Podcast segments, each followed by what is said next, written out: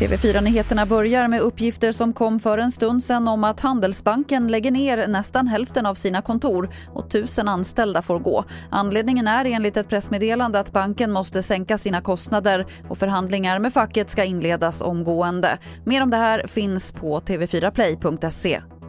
Nu klockan nio fortsätter rättegången i Linköping om dubbelmordet för 16 år sedan.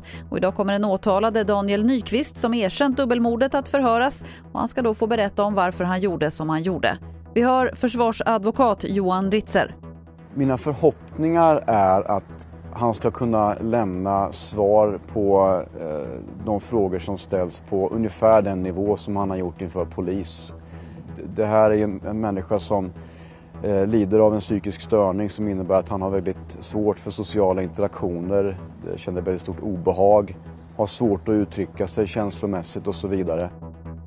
Och till sist kan vi berätta att den 12-åriga flicka som försvann från sin bostad i Falun igår kväll har hittats. Hon gick ut med hunden vid 18-tiden och var försvunnen fram till nu på morgonen. Vad som hänt under den tiden vet man fortfarande inte men polisen i Region Bergslagen säger att flickan verkar oskadd.